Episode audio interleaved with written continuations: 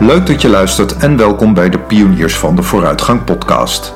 Mijn naam is Volkert Oosting. Dit is de podcast voor iedereen die op een grootse en persoonlijke missie is voor een betere en mooiere wereld. Regelmatig ontvang ik ook bijzondere gasten, dwarse denkers, tegenraadse pioniers en andere passievolle professionals die openhartig vertellen over hun ideale wereld, persoonlijke inzichten en mijlpalen. Natuurlijk doe ik dat ook zelf, over wat mij bezighoudt voor mijn persoonlijke missie. Namelijk dat Nederland weer het tolerantste en ruimdenkendste land van de wereld wordt. Hoi, leuk dat je weer luistert. Van mijn gast in deze aflevering word ik altijd heel erg vrolijk. Ze is een maatschappelijk bevlogen ondernemer. En in deze coronatijd begon ze wel iets heel bijzonders. Ik heb het over Daisy Da Vega. Wekelijks bidt ze voor en met haar klanten. Hoe gaaf is dat? Een spiritueel gebed als steun voor vrouwelijke professionals. Om zichzelf niet te vergeten en vooral ook dat we er niet alleen voor staan in deze wereld. En om te laten zien hoe je voor jezelf kunt leren kiezen. Daisy vertelt ons hoe zij dat deed. Toen ze na een burn-out dansend haar Kaapverdische roots hervond. Ze stopte met het leven op wilskracht. Haar ondernemersavontuur begon al op 23-jarige leeftijd in Abu Dhabi. Nu heeft ze de Calvinistische cultuur van niet zeuren en doorzetten en binnen de lijntjes blijven opzij gezet. Wat een bijzonder gesprek is dit. Vooral omdat Daisy tijdens de opnames besloot om spontaan voor jou en mij te bidden. Voor innerlijke vrede en een liefdevol leven. Ik wens je veel luisterplezier. Hier is Daisy Da Vega. Daisy, van harte welkom in deze aflevering. Dankjewel, Volker. Misschien leuk om even te vertellen, wij kennen elkaar eigenlijk pas sinds een jaar en we zitten al terug te blikken samen op 2020. Nou, dat beloven we wat. 25 november heb ik jou voor het eerst gezien. 25 november. 2019. Ja, wij ontmoeten elkaar uh, daar volgens mij in een hele grote groep ondernemers. 200 ondernemers. 200 ondernemers. Ik zat als man echt in een goddelijke omgeving met alleen maar vrouwen. En twee, drie mannen, geloof ik, die verdwaald waren. Nou, dat was niet zo. Wel. Drie moedige mannen die bij Brave New Media World waren, hè? Moedige mannen. Van Sarayda Groenhart. En vervolgens begonnen wij met een groep ondernemers samen met Sarayda een avontuur aan, hè, mag je wel zeggen. Nou, uh, zo kan je het wel noemen. Zes maanden lang uh, een avontuur. Ja, en zo kennen we elkaar en zitten we hier vandaag. Uh, ja. Ik vind het superleuk, want uh, ik heb jou dit jaar leren kennen als iemand die heel erg bezig is met spiritualiteit. Ja. En ook hoe vrouwen uh, veel meer zichzelf uh, willen en kunnen worden. Hoe kijk jij wat dat betreft zelf op 2020? En ja, zeg maar, hoe jij meer je eigen weg bent gegaan? Ja, nou ja, dan wil ik eigenlijk wel ook beginnen bij die dag die we net omschrijven, hè, 25 november. Brave New Media World. Ik had de avond ervoor mijn manuscript ingeleverd. En mijn manuscript was eigenlijk het einde van een anderhalf jaar sabbatical. Ik ben uh, nu 12,5 jaar ondernemer.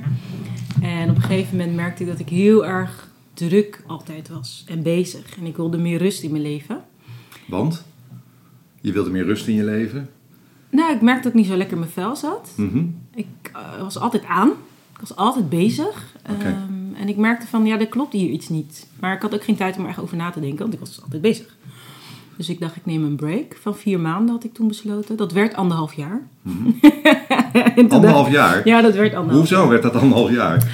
Nou, in eerste instantie uh, vier maanden was uh, mei tot en met uh, september. En halverwege juni kwam ik erachter van, oké, okay, het gaat echt eigenlijk helemaal niet zo goed. Dus toen heb ik me professioneel laten ondersteunen ook. Ik uh, overspannen verklaard. En toen merkte ik van, oh, vier maanden gaat het hem niet doen. Ik heb hey, echt... Dat zeg je even tussen neus en lippen door ontspannen verklaard. Maar dat is best wel uh, heftig. Ja, ja. En het duurde lang voordat ik ook kon toegeven dat het heftig was. Want ik ben dus iemand die heel erg in de hoofd zit en heel erg uh, go, go, go getter. I got things to do, places to go. Dat is echt de energie waar ik altijd mee in het leven stond. Enorme wilskracht. Dus dat is ook best wel een grote beslissing om te zeggen, weet je, ik ga gewoon even een time-out nemen. Ja, in de time-out merkte ik dus van, oké, okay, zo gaat het echt met mij. Als ik niet bezig ben, hoe gaat het dan met mij? En daaruit voort is mijn boek gekomen. Ik dacht, wow, wat ik nu allemaal heb geleerd in het durven stappen uit de red race, wil ik ook met andere vrouwen delen. Wat was je grootste inzicht? dat het een verslaving was om maar altijd door te gaan. En dat als ik stilsta, ik dus ga voelen. En ik voelen eigenlijk helemaal niet zo leuk vond. Dan kwam er voor alles naar boven. Onverwerkte emoties. Ik Ja. wist ook niet wat ik ermee moest. Ik moest heel veel huilen en ik moest heel veel slapen. En ik dacht, hier heb ik geen zin in. Maar ja, weet je, dus het was gewoon echt een trucje om maar niet te hoeven voelen. Ga ik maar succesvol naar de buitenwereld. Ga ik anderen helpen. Ik ben motivational speaker, life coach. Was altijd bezig met anderen helpen. Maar waar blijf ik in dat verhaal? En hoe zag dat er dan uit voor jou dat je stil ging staan? De maand mei was het letterlijk geen social media meer. En met mijn gezin op vakantie naar Kaapverdië, naar mijn roots. Even time out. De maand juni geen afspraken, geen plannen, geen opdrachten. Of volgens mij heb ik er nog eentje stiekem tussendoor gedaan. Ja, ik heb nog twee, even tussendoor twee docenten opgeleid. Met mijn eh, motivatietraining voor het mbo. Dat was het. Dat is, dat is voor mij heel bizar. Ik deed elke week wel een paar trainingen of, of presentatieklussen. Eh, in de maand juli en augustus op vakantie. Dus je was heel erg all over the place, je was overal. En ineens was ik alleen maar thuis. En wat ik zo, waar ik zo nieuwsgierig naar ben is, je nam een time-out. Je ging terug naar je Kaapverdische roots. Ja, Je hebt Kaapverdische roots. ja. Ik kan me ook voorstellen dat dat alleen al iets met je deed door terug te gaan naar je roots. Dat was echt, achteraf gezien, zeg ik, weet je dat pas, was het heel erg helend. Omdat ik echt weer terug kon gaan naar waar mijn ouders vandaan kwamen. En mijn grootouders. Dat heb ik ook echt gezien. Het huis waar mijn vader was geboren en waar mijn moeder was geboren. Dat had ik nooit eerder gezien. Maar echt het moment waarop ik Daisy weer terugvond... was tijdens een festival met allemaal Capverdiaanse artiesten. Ja, mu- muziek is echt, dat is zo mijn passie ook. En ik werd uitgenodigd om te gaan dansen op het podium. Eh Batuku, dat is een traditionele dans. En ik werd dus uitgenodigd door een artiest om te gaan dansen. Ik heb vroeger ook met hem opgetreden. Dus toen was ik zeg maar achtergronddanseres. En op het moment dat ik daar weer ja, op het podium mijn kont stond te schudden, om even zo te zeggen, Swipe your ass. was het echt zo van: oh ja, dit ben ik. Dit vind ik leuk. En het is voor mij, het was zo help me eens, eh, eh, want we denken natuurlijk nu al allemaal met z'n allen, ja, oh, dit ben ik. Maar wie, wie ja, ik heb wel een beeld met die... En, en ik stond op het podium voor, nou volgens mij stonden er duizend man eh, te kijken. En ik, dan denk ik, ja, maar dit ben ik. Gewoon mezelf zijn en lekker stralen en lekker genieten.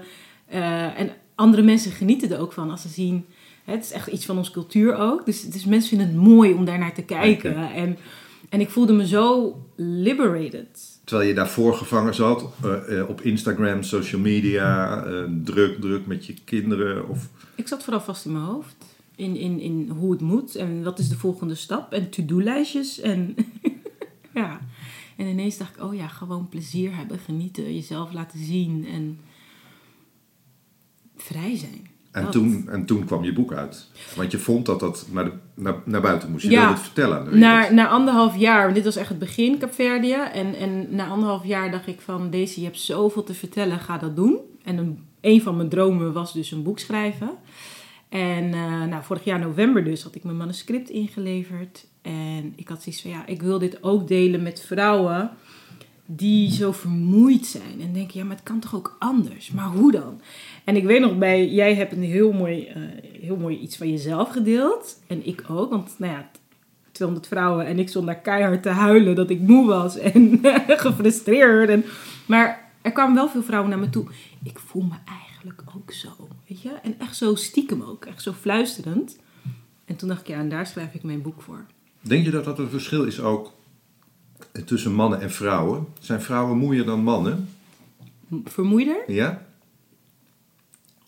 Nou, ik, ik denk niet dat het te maken heeft met man-vrouw, maar met mannelijke energie, vrouwelijke energie. En, en zelfzorg eigenlijk. Want mijn man is een hele hardwerkende man. Hij, heeft, eh, hij werkt 40 uur. Hij doet meer huishouden dan ik. Hij is vermoeid, maar hij geeft het niet snel toe. Want dat hoort niet. Hè? Dus hij heeft ook dat, dat mannelijke van je moet, gewoon, je moet gewoon gaan. Maar het klinkt alsof vrouwen dat ook vaak doen. Die doen dat dus dus, de ook. verschillen zijn niet eens zo groot. Wat Nee, het heeft dus niet met geslacht te maken, maar meer met de mindset van als ik toegeef dat ik moe ben, ben ik zwak. Dat is een beetje de gedachte. Ja, en eh, als ik dan naar mezelf kijk, als uh, zwarte vrouw, hè, zwarte sterke vrouw, en mijn moeder was dat, en mijn tante zijn dat, en mijn oma zijn dat, ja, dan moet ik niet gaan zeggen dat ik een beetje moe ben omdat ik een kind en een bedrijf heb. Ja, dat, is Ja. echt- dat kan niet. Dus dat was echt wel best wel heftig om te zeggen, ja, maar ik kan het allemaal niet aan, weet je wel. Ja. Ik kan me ook voorstellen dat trouwens, zit ik me nu te bedenken, dat alle vrouwen met Nederlandse roots, als je het zo zou willen zeggen, Ja. Dat die echt geïnspireerd worden door jou eh, met dat beeld op dat festival en dansen. En, Ja, nou ja, wat ik, wat ik me laat vertellen door... Ik heb verschillende klanten met, met diverse roots. Is eigenlijk dat we allemaal als vrouw gewoon... Wat, wat eh, in sommige eh, theorieën... De wilde vrouw vrij willen laten. We zijn zo getemd. Hè, je moet gewoon keurig zijn en braaf zijn. En je moet de regels volgen. En je moet je op een bepaalde manier kleden. En je moet op een bepaalde manier spreken. En dan komen we in een soort professioneel perfectionisme... Of keurslijf, hoe je het wil noemen... Maar wie we echt zijn, die vuur en die vrijheid, ja, dat zit ergens verborgen. Verstopt. Verstopt, ook voor onszelf. en hoe komt dat, denk je? Meerdere dingen. eh, beeldvorming. Dus je ziet het bijna alleen in, in dans en in de kunstzinnige hoek, dat vrouwen zichzelf vrij uitdrukken. In het businessleven zie je een beetje eh, dat, dat standaard blauwe pak. Dat, dat Zuidas gevoel. Oh nee, jij, jij, komt- jij woont in Rotterdam, jullie hebben daar geen Zuidas, maar Nee, wel een nee, Trade ja. Center, geloof ik. Dus Ja. het is een, het bepaald beeld die je hebt van wat is professioneel. En dat komt niet overeen met dat wat je van binnen voelt. En dat schuurt. Calvinistische cultuur hebben we ook. Hoe is dat voor jou met jouw Kaapverdische roots om te kijken naar de, naar de Calvinistische cultuur in Nederland? Want we hebben dit jaar Black Lives Matter gehad, ook in Nederland. Ja. Wat zie je dan? Ja, waarin zie ik wat? Ik zie zoveel. dus hoe, hoe zie jij de relatie tussen Calvinisme en Black Lives Matter? Nou, eh, eh, voor mij is eh, het Calvinisme is een cultuur in Nederland. Eh, Black Lives Matter is iets van de wereld. Dat speelt zich overal af. Ehm, er is ook in Nederland een hoop, ehm, hoe zeg je dat, debat geweest, gesprek geweest, protesten geweest, Ja. tegenstanders. Eh, ja, ik ben het er mee eens, kamp. Nee, ik ben het er niet mee eens, kamp. Waar, heb, waar hebben we het over? Dat is nogal wat. En Ja. dat, dat, ik zie daar... Ik, ja, ja, ik heb die Calvinistische roots ook wel. Ik zie dat dat wel ehm, iets heeft opgeschud in Nederland. Ja, en dat opschudden, dat, dat wil je niet hè, bij het Calvinisme. Je moet gewoon blijven zoals het is. En je moet niet zo zeuren. En je moet niet eh, ja, buiten, buiten de Ah. lijntjes. En als ik dus zeg dat ik me niet prettig voel, dan ja, doe even normaal. Of doe er zelf dan wat aan. Of eh, weet je. Dus dat wat van binnen gevoeld wordt, mag niet naar buiten. Dus je moet het allemaal maar inhouden. En, en dat, daar word je ziek van. Mentaal ongezond in mijn geval. Maar ik ken wel veel meer klachten, eh, fysieke klachten. Wat komt doordat mensen niet hun ware aard, en voor mij is dat je spirit, kunnen uiten. Dus in het Calvinisme zetten mensen zichzelf misschien ook wel wat extra klem. Ja, Terwijl jij dansend op het festival in Kaapverdië... No way, je bent even weg. Dat Nederland is even heel ver weg. En, eh, je kan gewoon, laat je spirit los, weet Laat je je wel. spirit los. Ja, dat is fantastisch, man. Dat is echt fantastisch. En het is echt, ik merk dan, en dat was ook wel, denk ik, eh, wat er gebeurde. Want ik, ik was daar en ik, ik herinnerde me, oh ja, dit is waar ik vandaan kom. En dan kom ik terug naar Nederland, zonder baan. Want ik, ik, ik haalde dus echt wel een bepaalde, ja, hoe zal ik het zeggen, gevoel van eigenwaarde vanuit mijn prestatie. Ik, ik had een beetje aanzien, omdat ik mijn bedrijf in Abu Dhabi ben begonnen en wereldleiders heb gekend en de TED Talk heb gegeven. En dus dat was wat mijn bestaansrecht gaf. Ik ga terug naar Kaapverdië, ik voel me vrij, het ging niet over werk, het ging over kont schudden en vrij zijn. En ik kom terug, ik had dus geen werk. Wie ben ik dan? Dat is echt een donker zwart gat. Ja. Ik, eh, ik zit even te denken, want je zegt net ook nogal wat ehm, over jouw wereldreizen en de mensen die je hebt ontmoet. Dat klinkt nou niet bepaald als saai en binnen de lijntjes. Nee, niet in mijn gedrag, maar wel in van binnen of zo. Dus, dus ehm, ik ben altijd al eigenlijk outgoing geweest. Want als zevenjarige stond ik op het podium te dansen. Dus ik, dat deed ik al zo jong. Ehm, toen ik 17 werd, was ik daarmee gestopt met het optreden. Omdat ik naar het HBO ging. Dan word je serieus. Dan word je groot. Dan word je groot. Ja. En dan- dus daar begon het eigenlijk dat ik dus onbewust, is dat dus een beeldvorming wat je meekrijgt. Ja, nee, maar nu ga je studeren, dus nu moet je, hè, nu moet je serieus zijn. Dus daar kwam al een soort van eh, corset. Oh, oké, nu ben ik serieus. Tuurlijk ging ik nog uit in het weekend. Hè? Ik moest nog steeds dansen. Ja, maar je ging toch niet reizen om, omdat je serieus en groot werd? Want reizen doe je volgens mij als je lekker het avontuur wil opzoeken. Ja, ja. Dus, dus ergens ehm, ben ik toch trouw gebleven aan het avontuurlijke in Ja. mij. Wat ontdekte je op die, op die, op die reis? Want je, je zei net, je sprak wereldleiders. Eh, nou, ik ben eigenlijk... eh, Ja, nee, ik heb verschillende reizen gemaakt. Ik heb een tijdje in Spanje gewoond toen ik 20 was. Op mijn 23ste in Brussel. Ehm, en daarna in Abu Dhabi. En eigenlijk wat het me heeft gebracht is, is toch weer dat loskomen van dus hoe wij het hier doen. En wat deed je daar in Abu, ik kan bijna juist Abu Dhabi? eh, Abu Dhabi was mijn allereerste baan. Ik was eh sales consultant voor een mediabedrijf. ah, En ik moest dus de, nou ja, de chairmans en de, zeg maar de voorzitters van de grote hè, top 100 bedrijven, moest ik eigenlijk zien te charteren. dus ik moest volop netwerken om eh, afspraken te zien te regelen en advertenties te verkopen. Super high level. Nou, 23-jarige chickie uit Rotterdam. Begin van het jaar was ik cashier bij Albert Heijn. En eind van het jaar zit ik met de voorzitter van een van de grootste miljardenbedrijf aan tafel. Dat was echt, ik dacht, hè, maar hoe was dat? ja, avontuurlijk zal ik maar zeggen. het was, ik ben heel nieuwsgierig, dus ik, ik had echt zoiets van... eh, ja, ik zat daar meer ook geïnteresseerd in die man dan in... Oh, jij kom hier iets verkopen? Oh ja, oh ja. Daisy, vertel eens. Nou ja, niet zo geïnteresseerd in die man. Maar ja, hoe, hoe word je zo een leider? Eh, wat moet je dan denken? En, Ja. Dus ik vroeg Maar dat vooral... moet, dat moet ook heel inspirerend zijn. Dat was onwijs inspirerend. Dus ik zat vooral vragen te stellen van... Hoe ben je op die positie gekomen? En eh, wat zijn jouw belangrijkste lessen voor de volgende generatie? En oh ja, ehm, je bedrijf, hè? Even serieus nu, weet je zo. Maar ik was vooral Ja. geïnteresseerd in de groei. Hoe, hoe kom je daar? Dus je ontmoet allemaal van dit soort mensen als 23-jarige. Ja. Wat is nou in al die jaren of in die periode ehm, van de mensen die jij hebt ontmoet? Welke ontmoeting is je het meeste bijgebleven? Dit is er één van, maar er zullen vast wel meer zijn. Oeh, echt bijgebleven. Ja, iedereen heeft wel een ander stukje Want je noemde daarnet ook eh, wereldleiders zelfs nog. Ja, nou ja, ik denk Kofi Annan. Omdat, kijk, die meeste wereldrijders heb ik dan echt eh, inhoudelijk gesproken. Koffie Annan, zeg je even Annan. Ja, we die- zitten hier aan de koffie. Kofi, Kofi Annan. ja. Die was VN-leider. En die kom jij gewoon even tegen ergens. Ja, bij de bushalte. Nee. Bij de bushalte. ik was uitgekozen als ehm, vertegenwoordiger van Nederland voor een jongerenconferentie. Dat heet One Young World. Mhm. Waarbij wereldleiders en, en jongeren, waarvan zij zeggen dit zijn de toekomstige leiders, samenkomen om dus nou ja, over verschillende maatschappelijke thema's te hebben. En eh, Kofi Annan die stond bij de microfoon en ik wilde een vraag stellen, dus ik moest daar naartoe lopen.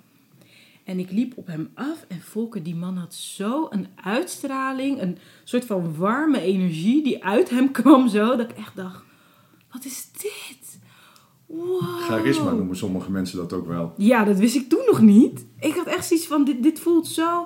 En hij stond zo rustig en het- hij stond als een boom. Nu gebruik ik dat in mijn training en zo. Maar hij stond echt zo stevig en zo rustig. En ik dacht, hè? Dus ik was erg onder de indruk, omdat nu weet ik gewoon zijn zijn. Hij, hij was gewoon. En dat was zo indrukwekkend voor mij. En je stond tegenover hem. Zei je ook nog iets? Of, Ja, of- ik zei- Helemaal dicht. Ik zei, je lijkt echt veel op mijn opa. En ik moest je de groeten doen van mijn vader. En hij moest heel erg lachen. Lijkt ik op je? Hij lijkt ook echt op mijn opa. Dus dat was wel heel... eh, Maar eigenlijk dat alleen. En dat nam jij mee. Ja. Wat, wat, wat, wat leerde je dat? Of wat, want dit komt meteen naar boven als ik je daarna Ja, vraag. Oh, dat, dat gaat weer over dat, dat diepere gevoel. Kijk, ik, als Nederlander ben ik natuurlijk ook heel erg eh, opgeleid om rationeel te zijn. En, en vooral te vertrouwen op kennis. Is dat iets van Nederlanders, denk je?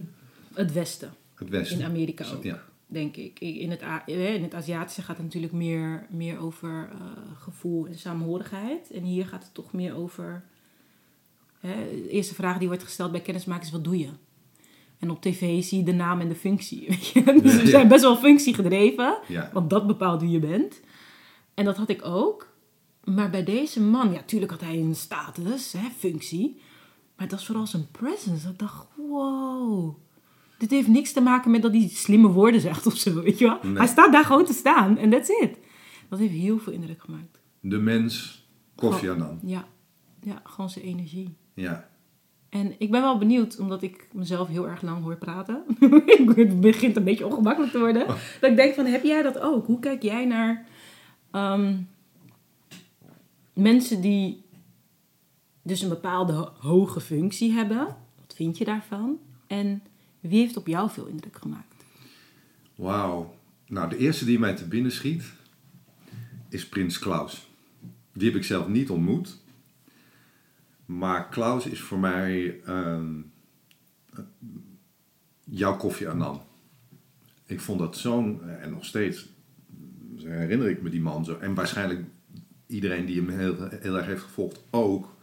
Als een, als een wijs mens. Als een, een, een, mens die diep eh, en in, inten- intens naar de wereld kijkt. En ja, dat, dat, dat, dat vind ik fantastisch. Hoe gaaf is het dat hij zijn zoon heeft geïnspireerd. En dat is meer dan een werkafspraak, eh, durf ik een fles eh, champagne op te zetten, om met water iets te gaan doen in deze wereld. Dus Klaus eh, is er een van. Het is wel grappig. Ik kreeg laatst een tekening cadeau van iemand die- vroeg mij, Sabine Funneman, joh, wie is jouw held? En zij tekent heel veel. En vervolgens kreeg ik een week later Klaus Wauw. getekend. Hij ligt hier op de piano eh, trouwens. Ja, en dat opkijken tegen mensen, ik heb dat niet heel erg. Natuurlijk eh, als, als Calvinist. Nou, ik voel me trouwens helemaal geen Calvinist, dus wat ik nu zeg klopt eigenlijk helemaal niet. Het heeft ook wel een beetje te maken met het, ja, met het nest waar ik uitkom. Want al eh, van jongs af aan waren, waren wij, mijn broer en zus, best wel gewend aan allerlei namen die over de keukentafel gingen door het werk van mijn vader. Die, eh, nou ja, die heeft, eh, in Nederland heeft hij ook voor de overheid allerlei dingen gedaan en eh, vuurwerkramp bekeken. En, zo. en dus daar, ja, daar horen ook allemaal mensen bij, op, in Nederland dan, op functies die je misschien normaal niet zo spreekt. Ja, ja, ja, dat heeft wel impact op dat dat voor jou normaal wordt later, hè? Ja, ik denk het wel. Ik weet nog ehm, dat eh, in, in 2000, dus alweer 20 jaar geleden, toen kreeg ik ehm, een nieuwe hartklep, een kunstklep. En in die periode was, was de vuurwerkramp. En hij onderzocht dat. En toen werden de resultaten bekendgemaakt, een grote En persconferentie. wat deed jouw vader? Die had die ramp onderzocht, die vuurwerkramp. Als? Wat was zijn functie? Nou ja, je hebt dan van die commissies hè, en die Ja. onderzoeken allerlei, allerlei eh, Nice. dingen. En hij, nou ja, hij was een van die onderzoekers. Mhm. En ik weet nog dat eh, er was een grote persconferentie en de internationaal verzamelde pers stond daar en, en allemaal. En we stonden even koffie te drinken en ik kon nog eigenlijk helemaal niet, ik was net uit die operatie, kon ik gewoon helemaal niet daar een halve dag gewoon relaxed zijn. Daarvoor moest ik nog veel te veel herstellen. Maar ik wilde dat voor mijn ouders doen. Hmm.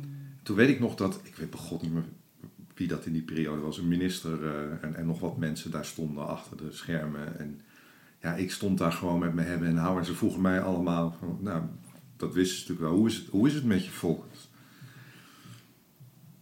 Dus ja, eh, Nice. zo'n persoon, weet je, zo'n persoonlijk gesprek.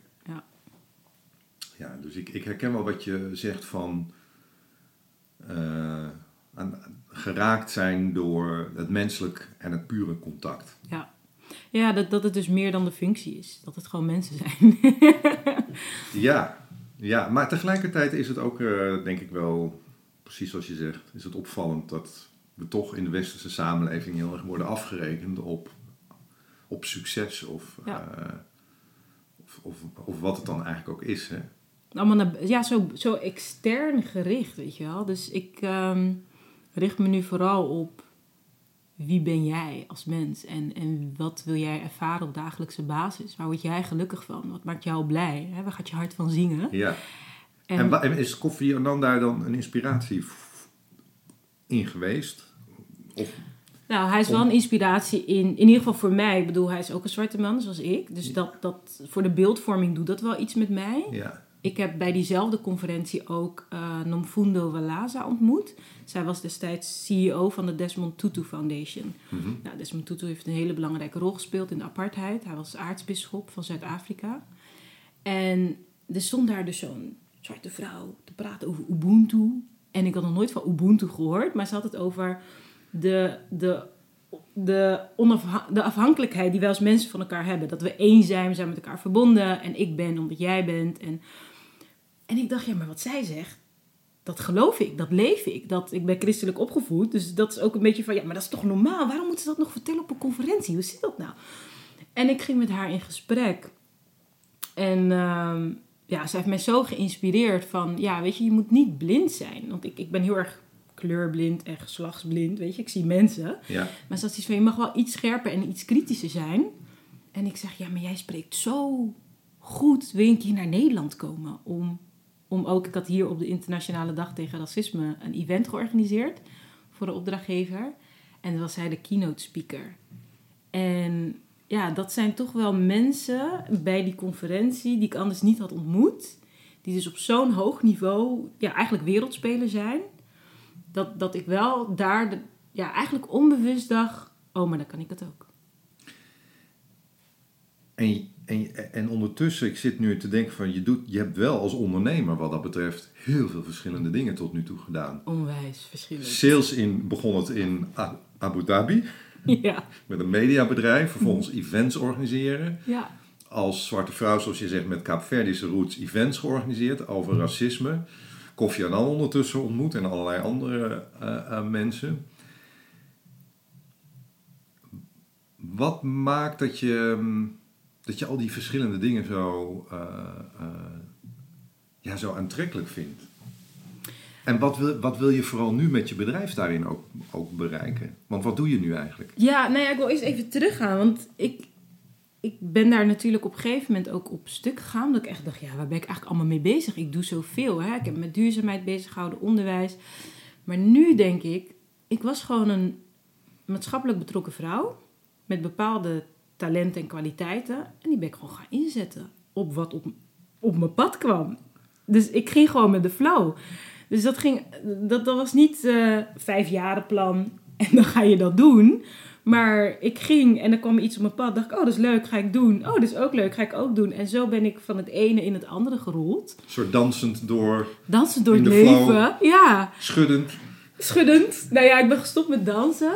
Dus dat, nou nee, in al mijn trainingen dans ik wel trouwens. Dus stiekem heb ik het erin gehouden.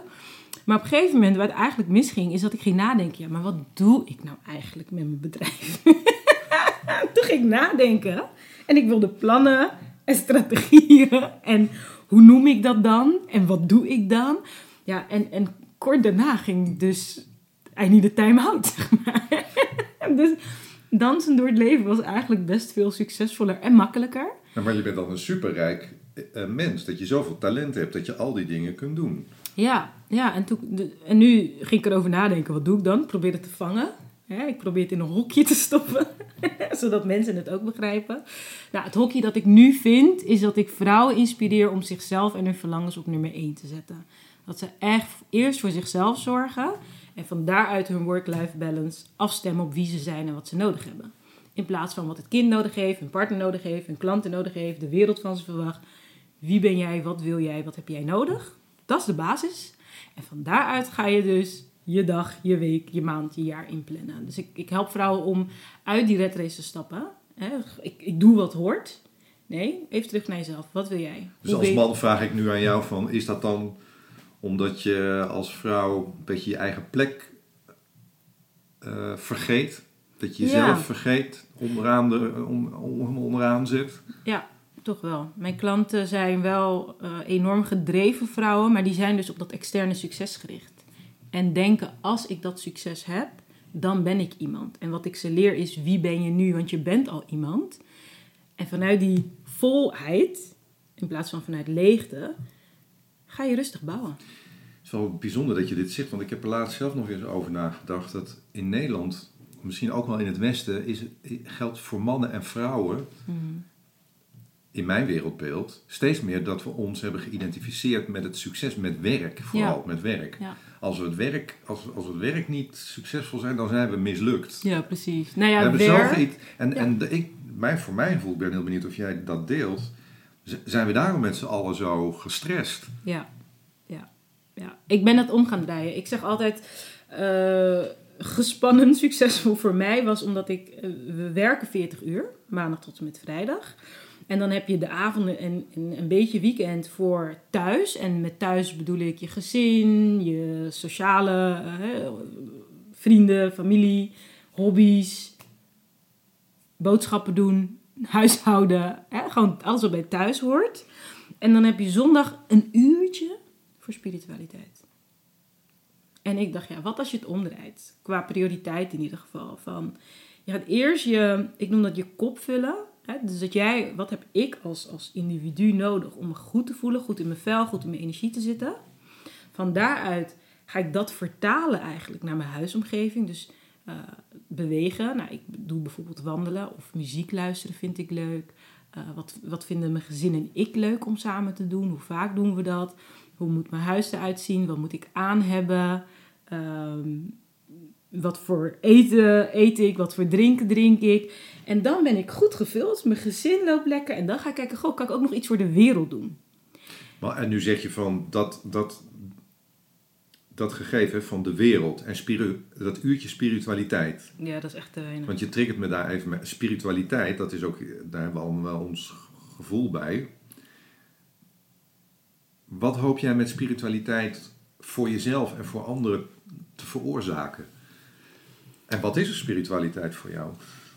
Voor mij is spiritualiteit dat je je herinnert wie je in essentie bent. Ik geloof dat wij spirituele wezens zijn met een menselijke ervaring, in plaats van mensen met af en toe een spirituele ervaring. Voor mij is het juist andersom. Is het dan bovenmenselijk of bovennatuurlijk? Om maar even, Ja, ja? ja. Bedoel je het zo? Ja. ja, ik denk dat wij echt superpowers in ons hebben. Dat zijn meestal de dingen die niet te verklaren zijn. Hè. Dat is eh, intuïtief leven. Gaat over de stem van je spirit. Ja, dat, zijn, dat, zijn, dat, dat, dat valt niet te plannen, vastpakken, benoemen. Het is ook het, het onnoembare, vind ik. Het is, het is, jij maakt muziek, dus misschien kan je daar ook wat over vertellen. Muziek kan je niet vastpakken. Dus, dus dat is ja. voor mij ook. Het, het immateriële is voor mij spiritualiteit. En wat ik hoop te veroorzaken, is dat mensen daar minder bang voor worden en het meer gaan omarmen. Omdat je dan meer bij. Je komt dichter bij jezelf. Dus je gaat innerlijke rust en innerlijke houvast vinden. Vreugde, vrede. Ik vind dat zit allemaal van binnen. En als je dat van binnen hebt, dan heb je minder van buiten nodig. En dan, we hebben nu een soort van naastig dorst of zo. Naastig Ja. honger. Weet je, zo'n gretigheid. En we denken dat te vinden in de buitenwereld. En voor mij is spiritualiteit van wat zit er nou in die binnenwereld? En in jouw binnenwereld, zeg je net, zit ook een christelijke opvoeding. Ja. En hoe gaat dat samen, die christelijke opvoeding en spiritualiteit? Oh man, daar stel je een vraag. Dat is echt, echt een ding. Want ook bij christendom heb je regels en structuur en hoe het hoort. Dus ook daaruit moest ik stappen. Uh, dat komt ook door Abu Dhabi. Want ik was heel actief in de kerk. Ik was kinderwoorddienstleider en ik las uit de Bijbel voor. En uh, nou, ik was er wekelijks te vinden. Toen ging ik ineens naar Abu Dhabi, wat een islamitisch land is.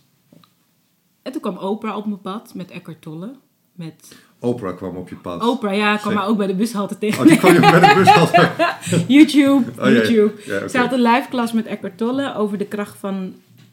Nee, een nieuwe aarde was dat toen. Ik weet niet of je die kent. Een nieuwe aarde, Eckhart Tolle. Ja, Eckhart Tolle ken ik. Ja, Ja, spiritueel leermeester. En hij kwam dus met een nieuwe aarde, je hebt de ego en je hebt de ziel. Ja. En dat we dus zo ego gedreven zijn in deze wereld. En nou, dat was voor mij heel nieuw. En Oprah zei letterlijk van ja, je hebt religie, dat is vaak georganiseerd en dat gaat over regels hè, en, en bepaalde rituelen. En spiritualiteit gaat meer over die vrijheid van zijn. En, en toen dacht ik, oh, Het klinkt ook alsof voor jou spiritualiteit een nieuwe vorm van re- religie is geworden in je leven. zou ik dat zo zeggen? Ja, wat bedoel jij met een vorm van religie?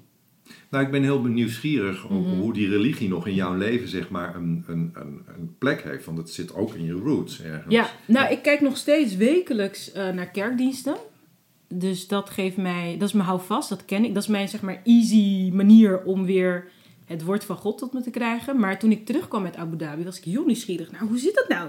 Want hier zeggen ze hetzelfde als bij mij in de kerk. Maar zij zijn islamieten. En ze erkennen... Dus ik had heel veel vragen. En ik ben toen een project gaan doen met Rabijn Soetendorp Ja, om, eh, dat heette Fate and Leadership. Van oké, hoe beïnvloedt fate, hè, het Ja. geloof wat je hebt, jouw leiderschap als jongere? En toen zijn we bij verschillende gebedshuizen gaan kijken van wat zijn de overeenkomsten en wat zijn de verschillen. En de overeenkomst was liefde. Wees lief voor jezelf en wees lief voor elkaar. Ja, toen had ik wel zoiets van, ja, waarom zou ik het dan alleen maar vanuit het christendom halen? Hoe zit dat dan? Hè? Ja. Dat, dat geeft meer, hoe zeg je dat, zegegratie dan Ja, van eenheid. Dus dat was voor mij wel moeilijk ehm, om daar een keuze in te maken. Ik heb nog een tijdje bij het boeddhisme gesnoept. Ik kon me ook helemaal in vinden. En uiteindelijk heb ik zoiets van, nee, ik maak het mezelf makkelijker. Het christendom ken ik. Ik ben gedoopt. Ik heb Ja. ehm, vormsel gedaan, vormsel geleid. Dat is voor mij gewoon, net als de Nederlandse taal, super makkelijk om te verstaan. ja. Dus dat is mijn, een van mijn manieren om eh, in ieder geval qua kennis en, en inspiratie spiritueel te voeden. Deel je dat ook met je klanten? Oh man, Volker, 2020. 2020, 2020. Ook dankzij jou, moet ik zeggen. Je hebt daar heel veel invloed op gehad. Mhm. Over veel gesprekken met jou gehad. Over eigenheid en durf jezelf te zijn. ja. En ik ben dit jaar zo moedig geweest om een membership te starten op basis van gebeden. Volk. hoe werkt dat? Een membership op basis van gebed. Ja, ik ik- ken jou wat beter, maar ik, wie nu luistert denkt vast, wat bedoelt ze daarmee? Een membership op basis van gebeden. Nou, ik heb, ik heb een groep eens. vrouwen Ja. die ik dus eh, mag inspireren om te groeien in hun spiritualiteit. Mhm. Op maandelijkse basis is dat. En Mooi. zij krijgen elke dag een gebed van mij. En ik geloof heel erg in de kracht van het gebed, omdat het eigenlijk hard op je hart spreken is. En hoe, hoe stel ik mijn gebed voor? Nou, ik Want we spreek... denken meteen aan de kerk, maar bij jou Oh. gaat het over iets anders. Zal ik er één voor doen? Heel graag. Oké, dan ga ik gewoon echt nu gewoon... Het is ook instant magic, zo heet mijn community ook. En dat betekent in het moment mijn hart spreken. Dus ik weet ook niet wat eruit komt, maar eh, oké. Goedemorgen, lieve God. Goedemorgen, moeder aarde. God, dank u wel voor dit moment. Moeder aarde, bedankt dat wij ook vandaag weer op jou mogen rondlopen. Vandaag mag ik bidden voor de luisteraars van het bijzondere podcast. Ik wil ook bidden voor Volkert. Dat zijn hart en dat zijn woorden gehoord mogen worden. Dat hij mensen mag raken die het nodig hebben. Dat de mensen die dit mogen horen ook echt durven te luisteren. Dat ze hun hart durven te openen. Hun mind durven te openen. En uiteindelijk ook hun voeten durven te zetten in de richting van hun eigen unieke pad. God heeft iedereen op aarde gezet met een bepaalde missie, met een intentie. Geef ons de moed en de hoop, de wijsheid, de liefde om dat ook te durven volgen, zodat we een liefdevolle wereld kunnen creëren voor onszelf en voor elkaar. Dank u wel voor dit moment en dat ik nu deze woorden mag delen op deze manier. Amen. Mooi. Nou, dat neem ik dan op. Maak ik een filmpje van. Zet ik in de Facebookgroep. en elke ochtend worden mijn members zo wakker. Met een soort reminder van... Je staat er niet alleen voor. Dus nog een groter geheel. Zowel eh, het hemelse als de aardse. Dat vind ik wel een belangrijke. Wat ik zo mooi vind, je, je lacht net ook even, dat je dat ook heel vrolijk bekijkt en doet. Dat het niet heel serieus wordt, een gebed. En, Oh Eh, ja, nee, dat- zo dat- vroom. Ja, ja, echt. zo vroom, weet je. Over Calvinisme gesproken. ja. De grefals, ja. Ja, nee, ik ben wel echt een, eh, zoals mijn brand character heet, de spirituele cheerleader. Joy, vreugde. Ja, en dat, en, en, en dat gebed, hè, dat, dat intrigeert me wel. Want wat ik zelf zie in de samenleving, in de wereld, is dat iedereen op zoek is naar verbondenheid. En samen zijn. En op zoek naar, ja, misschien ook wel iets wat bovennatuurlijk is. Alleen die kerken staan allemaal leeg. Ja, zonde. Daar zijn we, ja, prachtig gebouw. Ook super cool in de zomer en zo. Letterlijk Kan je mooie concerten geven, Kun je mooie concerten. Sterker nog, heb ik van de week nog gedaan. Dus we hebben met z'n allen een enorme hang naar die ver- verbondenheid. Ik heb zelf gisteravond nog in een livestream van eh, een paar trauma-experts uit Engeland van de Britse ziekenhuizen gespeeld. Ook met mensen en muziek en samen zijn in deze lastige tijd. Wat ik zo mooi vind is dat jij met, met zo'n gebed en alle andere dingen die je doet voor je klanten ook een soort van ja, veilige haven biedt misschien. Ja. ja, een plek om, om jezelf te zijn. Een plek om hardop uit te spreken dat je je alleen voelt. Een plek om uit te spreken dat je bang bent. Een plek om uit te spreken dat je jezelf fantastisch vindt. Maar daar niet voor de... Hè, dus het gaat over, mag ik, mag ik er zijn? En mag ik samen met jou op zoek gaan naar... Wat mis ik eigenlijk? Jij noemt het nu verbondenheid. Maar sommige mensen weten niet dat dat het is wat ze zoeken. Of dat dat is... Hè? Het, is het is een gevoel van... Want wel, welk gevoelens kom jij dan tegen? Nou. tegen? Want ik vind bijvoorbeeld deze tijd ook best lastig. Dat eh, ja, een beetje alleenig soms kan voelen of je wordt bang, weet je wel. En, en bang kan ook als je... Ja, nou. Waar, waar Dat- gaat jouw bang over? Nou, ik ben, ik ben nu op dit moment eh, niet zo bang. Ik had de Mhm. eerste lockdown wel even zoiets van... eh, Ja, ik had geen invloed meer op mensen in de supermarkt die te dicht bij me kwamen. Ja, dus dus bang voor gezondheid. Voor, voor, eh, voor gezondheid, ja. Ja. Ehm, dat ben ik nu al, eh, nou, dat, dat, dat ben ik nu al kwijt, Mhm. gelukkig. Mhm. Jij zegt net alleen van, ja, weet je, de, de- een, je noemde net, net het woord eenzaamheid of er alleen voor staan. Ja, het gevoel van alleen zijn. Dan kom ik bij. Ik, ik heb veel vrouwelijke professionals, ook wel ondernemers vooral. Daar hoor ik het meeste dat ze zich graag alleen voelen, omdat ze alles alleen moeten bedenken. Maar ik hoorde ook bijvoorbeeld van moeders tijdens lockdown van, oh wat fijn, even met volwassenen praten, want ik zit de hele dag met kinderen, aan tafel. Ja, ja, ja, en. Hè, dus, dus er zit ook een soort van schaamte eh, rondom zeggen dat je je alleen voelt. Is dat ook wat jij met jouw bedrijf als een soort van missie wil? Zeker. Voor, ja? Ja, absoluut. Ik doe bijna ook alleen maar groepscoaching. En, en wat is, je zegt zeker, wat, wat wil je bereiken? Nou, Als een soort van het gevoel van eenheid. Ja, het is toch uiteindelijk, ik denk dat het hogere doel, het allerhoogste doel, is, is dat... Jij vroeg net, wat wil jij veroorzaken met je spiritualiteit? En voor mij is dat je, dat je je herinnert wie je bent. Wie je echt in essentie bent. En dan kom je toch uit bij verbondenheid. Je bent al verbonden. En vanuit die connectie met jezelf ben je dus heel iemand anders. Als je, naar als je vanuit volheid naar buiten gaat, dan kom je bijdragen. En als je vanuit leegte naar buiten gaat, dan wil je halen. Dus op het moment dat wij allemaal zo voldaan zijn, voldoening ervaren, dan hebben we meer rust in de wereld. En dan kunnen we elkaar meer vinden en meer zien. En, en dan hoef je niet te zeggen, jij bent niet oké. want ja, jij bent niet oké is een spiegel van je eigen niet oké zijn. Dus als jij oké bent met jezelf en je ziet dat de ander niet oké is, dan wil je ieder helpen. Wat waren voor jou dan in, in, ben ik heel benieuwd naar dit jaar 2020. We nemen deze podcast op eh, in december, is bijna Sinterklaas nu.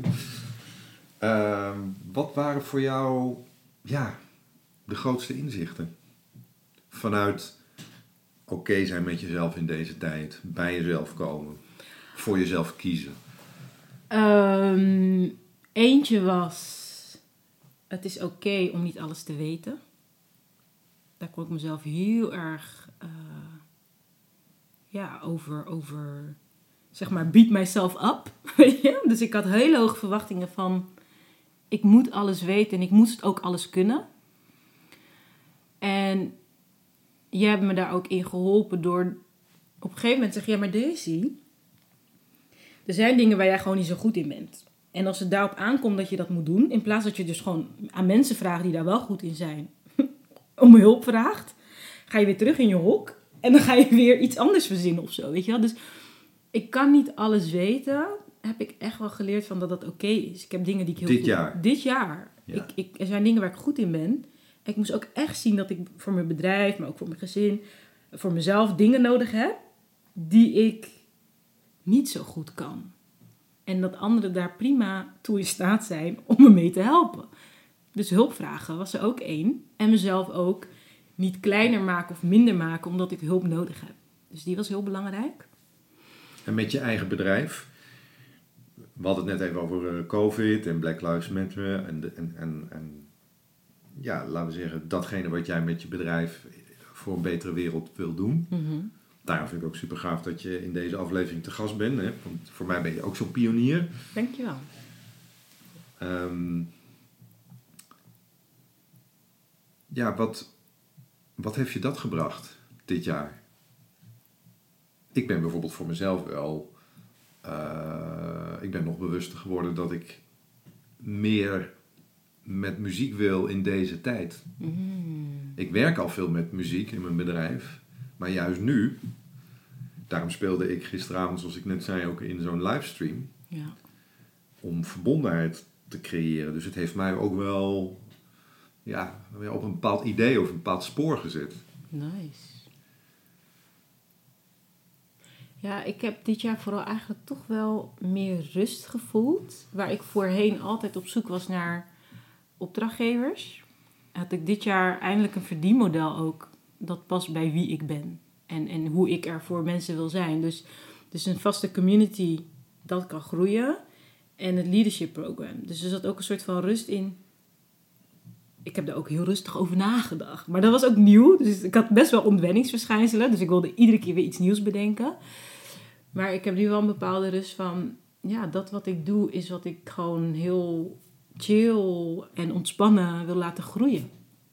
Maar ik had wel ontwenningsverschijnselen. Want ja, maar dan is het klaar en af. En wat moet ik dan? Want ik wil bezig zijn. En ik, Je ja. wil weer iets in Abu Dhabi gaan doen Ik of moet zo. weer iets nieuws, toch? Ja, dat is Oh echt ja. een soort van eh, laatste detox of zo waar Ja. ik doorheen moest. Maar ik denk al rust en inderdaad dat stukje eh, dat ik mag bidden met klanten en dat ik mag dansen met klanten. En ik ben niet de guru meer. Ik dacht altijd dat ik de guru moest zijn. Ik moest erboven staan en ik moest perfect zijn. En, ik, en nu heb ik precies van mega verlicht. eh, ja, mega verlicht, weet je wel. En vooral Oh ja. niet vertellen dat ik het ook verkeerd doe. En dat ik wel eens negatief denk. En dat ik wel eens ongezond eet. En dat ik van een wijntje haal. En oh, dat, dat was allemaal een soort van, dat mag niet, dat hoort niet.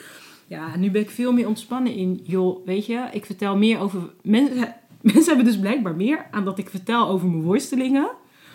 Dan dat ik alleen maar vertel, dit is de manier waarop je succes bereikt. En dat, dat was wel echt nieuw voor mij. Dus het was ook best wel een ongemakkelijk jaar. Omdat ik vooral ja, continu eigenlijk moet zeggen, ik doe het ook wel eens verkeerd. Ik denk, nou leuk.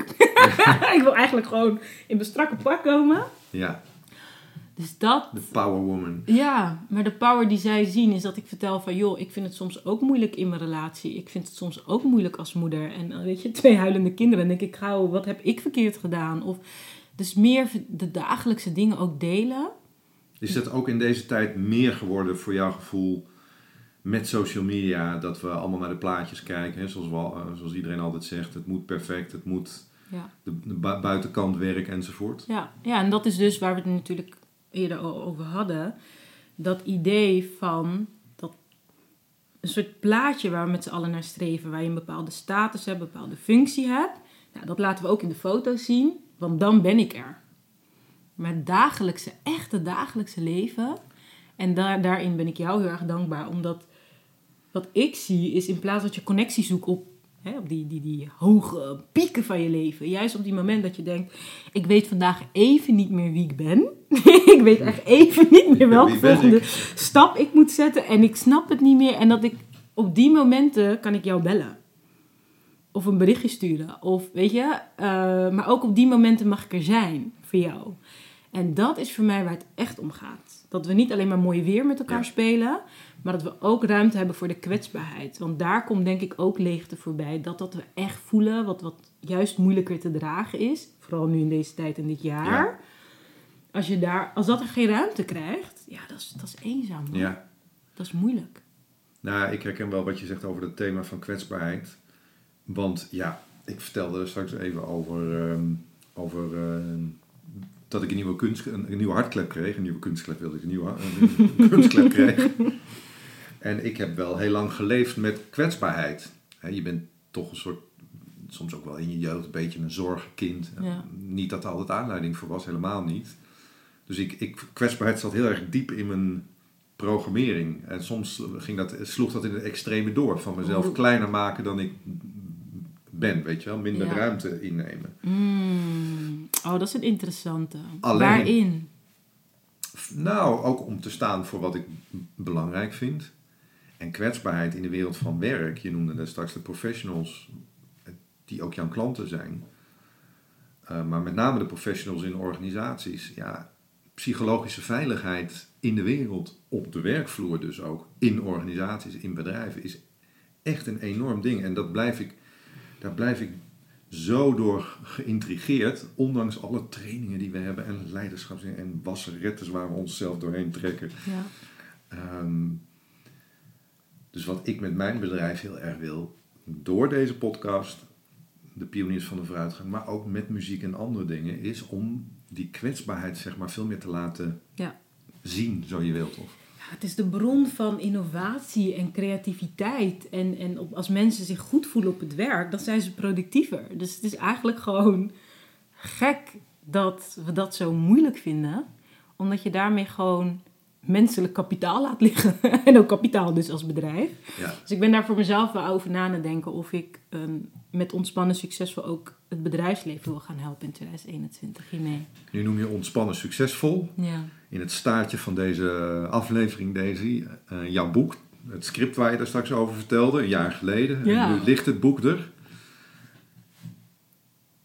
Wat zijn de reacties tot nu toe? Ja, bijzonder. Want je schrijft een boek met een bepaalde doel. Maar je weet nooit wat het echt doet. En ik heb Wat was zo- je doel? Nou, mijn doel was meer dat vrouwen zichzelf toestemming geven om te voelen wat ze voelen. Oké. Dus, dus ik heb heel veel eh, reflectievragen ook erin. Eh, bewustwording van wat ze echt willen. En op een gegeven moment kreeg ik reacties terug van ehm, ja, dat ze meer voor zichzelf zijn gaan zorgen. In hele eentje kocht een stoomstrijkijzer. Want ze was geïnspireerd om het leven makkelijker te maken. En de strijkijzer is vervelend. Dus ik koop een nieuwe. En ineens had ze weer plezier in het strijken. en de ander die ging alleen op vakantie. Zonder kinderen. Want die dacht, oh ja, wat een goed idee. Ga ik ook doen. Ehm, ja, meer mini-momentjes voor zichzelf om plezier te hebben. Dat is eigenlijk wat er vooral gebeurt. En dat, ja, dat vind ik een hele toffe impact. Ja. Ja. En zat er dan ook nog een reactie tussen, tussen waarvan jij dacht, shit, dat had ik zelf ook nog niet eens aan gedacht. Daar heb ik ook weer wat aan. Mm. Nou, laatst had ik een een eh, één op één gesprek met iemand. En die zei: Ik ben zo blij dat ik eerst jouw boek had gelezen. Want het lijkt alsof je me al een tijdje op afstand aan het coachen bent. Ja, dat was voor mij echt een: Huh? Kan ik vanuit mijn boek coachen? Ik, ik denk natuurlijk dat ik altijd hard moet werken voordat ik resultaat heb. Of goed resultaat heb. Maar dat is dus niet waar. dus dat was mijn: Oh, ik heb mijn boek geschreven. En dan wordt ze ook door mij gecoacht. En ik zit gewoon thuis koffie te drinken. Oké, dat is raar. Maar wel tof. Mooi, Ja. mooi, mooi. Daisy, waar is dat boek te vinden of waar ben jij te vinden online? Ik ben te vinden onder www.decidavega.com. En als je op Google zou intypen in 10 stappen ontspannen succesvol, kan je het eh, ook bij bol.com, Bruna, eigenlijk alle, alle boekhandels vinden. Maar je kan het ook op mijn eh, website bestellen, want dan krijg je het gesigneerd opgestuurd. Waanzinnig. Ehm, zoals net gezegd, we nemen deze podcast op eh, begin december. Voor iedereen die nu dit jaar in 2020 luistert. Wat, heb, ja, heb je nog een wens voor het nieuwe jaar? Nou, de cliché vrede op aarde telt nu meer dan ooit, denk ik. Maar mijn wens is vooral innerlijke vrede voor iedereen. En, en vreugde, weet je, het is al zo pittig wat we allemaal meemaken in de wereld. Mijn wens is dat we de kleine dagelijkse leuke dingen ook de aandacht geven die het verdient. En jij? Ik eh, wens ehm, ja, gewoon iedereen, ook mezelf, veel innerlijke vrede en geluk toe. En, en, en rust. En dat is niet een soort van oase van rust in deze wereld, maar wel momenten waarop je denkt: hè, hè, Ja, dat is wel een mooie. Het zijn momenten. Zo is het. Dus als je nou op zoek bent naar die rust en je wil met Daisy dansen zoals zij in Kaapverdië danste, op de flow, uh, laat het weten of laat het mij weten. Ik vind het sowieso leuk als je laat weten wat je van deze aflevering vond. Of je misschien nieuwe ideeën hebt gekregen. Uh, hoe dan ook, dankjewel voor het luisteren en tot de volgende keer. Leuk dat je luisterde en heb je nou tips of ideeën? Laat het me weten. Stuur me een DM via LinkedIn of bijvoorbeeld Facebook. En natuurlijk via mijn website www.volkertoasting.nl. Voor nu wens ik je een fijne dag en tot de volgende keer.